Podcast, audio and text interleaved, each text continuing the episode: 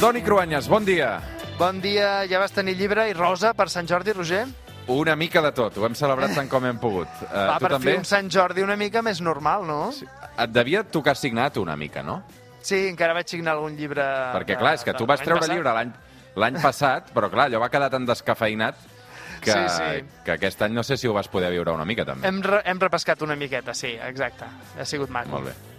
Molt bé. Avui amb el Toni Cruanyes, aprofitant que ha estat Sant Jordi, eh, reivindicarem una mica el Dia dels Enamorats perquè dius que per Sant Jordi barregem tantes, tantes celebracions que el tema de l'amor queda una mica desdibuixat, no? Home, és que parlem de llibres, de roses, eh, el dia dels que es diuen Jordi, Jordina, parlem dels pans de Sant Jordi, la cosa nostrada catalana, parlem de tantes coses que no parlem d'amor, la veritat. Toni, creus que els catalans hauríem de celebrar el Dia de l'Amor com la resta del món el 14 de febrer, per Sant Valentí, per exemple? Mira, això no cal segurament, eh? però avui t'explicaré una història d'amor que va més enllà de dracs i de princeses. Potser m'atreviria a dir que és la història d'amor més monumental. Va, vinga, una mica més de sucre. Whitney Houston. Uh, és que realment uh, marxem fins al lloc més romàntic de la Terra, Toni. Ens ambientem amb Whitney Houston. I no és ni Venècia ni la Torre Eiffel. Anem fins a l'Índia per explicar la història del Taj Mahal. Segurament és l'edifici més romàntic que s'ha construït mai, Toni Cruanyes. Pel que fa a estètica, és l'exemple més bonic d'arquitectura de la dinastia dels moguls. Estem parlant del segle XVII. A la ciutat d'Acre ens situem, al nord de l'Índia, relativament a la vora de la capital, de Delhi. Una arquitectura que barreja elements d'estil islàmic, persa, indi i també turc. Jo la veritat és que no hi he estat mai, ni l'he vist mai, eh, però diuen que és realment preciós, eh, Toni? Jo l'he vist també en postals, eh? per tant, no, no ho he experimentat personalment, però a banda de la seva bellesa i la seva grandiositat, a part també de com les postes de sol encara subratllen més aquest marbre blanc, l'estilisme de les seves torres, la gran cúpula central, ens anem fent a la idea, oi? El Taj Mahal és tan romàntic perquè va ser construït per un emperador en honor a la seva esposa, que va morir en donar llum al seu 14è fill. 14 fills va tenir. Sí, a veure, la història de l'emperador Shah Jahan és molt singular. Es podria haver casat amb més dones, perquè l'islam d'aquella època permetia la poligàmia. De fet, com més poderosos eren els homes, més dones se suposava que es podien permetre.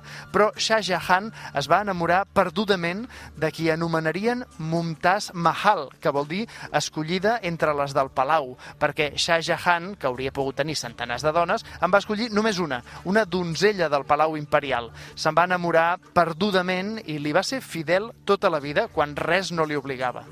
Era un emperador molt poderós en un país que, a diferència d'ara, tenia només 100 milions d'habitants. Sí, només 100 milions d'habitants, però que eren més dels països que hi havia a Europa. A la mateixa època, als trons d'Europa hi havia Lluís XIV a França, Enric VIII a Anglaterra, el papa Borja a Roma, després vindrien doncs, eh, Caterina la Gran a Rússia o, o els Borbons ja a Castella, després a tot Espanya.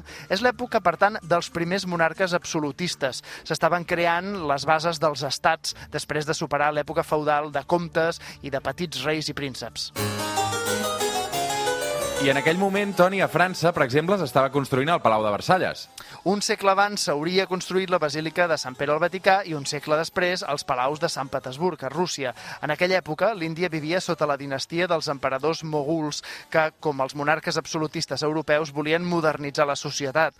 En comparació amb l'època medieval, i ja que tenien tants recursos a la seva disposició, es van fer grans reformes culturals, econòmiques o urbanístiques. A Europa s'havien viscut les guerres de les religions, molt mortíferes, com la Guerra dels 30 anys. Així que protestants, anglicans, catòlics, tots, tots estaven fent la guerra. I a tot això, eh, Toni, en canvi, els moguls van exercir una certa tolerància religiosa, no? L'Índia fins llavors havia sigut de majoria hinduista. En canvi, els moguls eren musulmans, però molt tolerants. En concret, l'emperador Shah Jahan organitzava seminaris amb xiites, sunites, jueus o cristians per debatre sobre ciència o sobre el govern de l'imperi.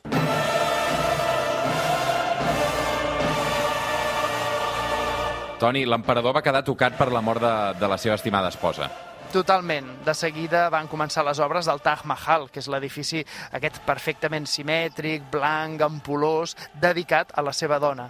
Diuen que ell es va obsessionar amb això mentre que va descuidar els afers d'estat. Les obres van anar molt ràpid per l'època, bastant llestit l'any 1654. El mateix emperador vigilava les obres i no va estalviar en els costos. Ara bé, quan va acabar l'edifici, va caure malalt. Durant aquest temps havia permès que entre els seus dos fills més grans aflorés una autèntica guerra per la successió.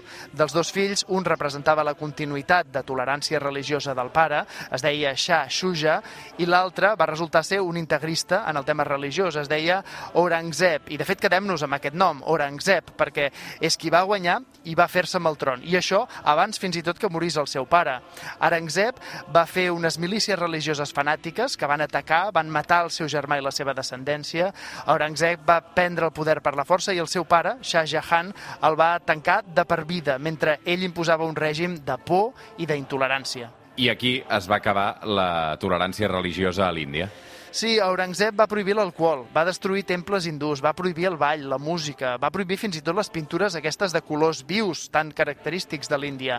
Aurangzeb va regnar durant 50 anys i els seus successors, com ell, van anar convertint l'Índia en un país ple de divisions religioses, amb múltiples lluites territorials. El país, que a l'inici de la dinastia dels moguls era l'imperi més gran de la història de l'Índia, va acabar després en bancarrota i això facilitaria l'arribada posterior dels britànics com a potència colonial, molts dels mateixos indis van rebre inicialment els britànics com a alliberadors del règim integrista que havia imposat Aurangzeb.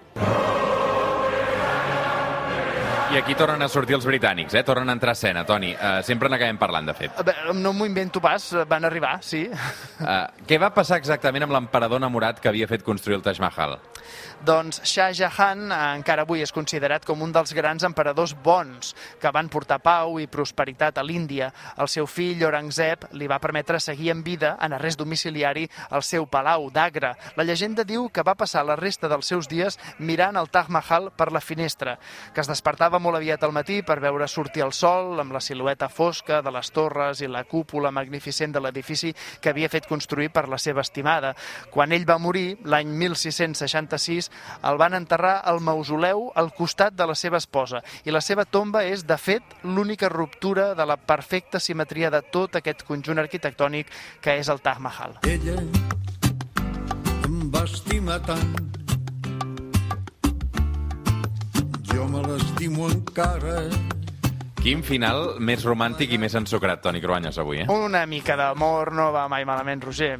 Avui amb la versió de Paret, Paraules d'amor del Serrat, arribarem a les 9 del matí. Bon Sant Jordi i ha passat Toni Cruanyes i gran setmana. Una abraçada. Vinga, bon diumenge. No, no en sabia més, tenia 15 anys, paraules d'amor, somnis de poetes, somnis de paraules d'amor.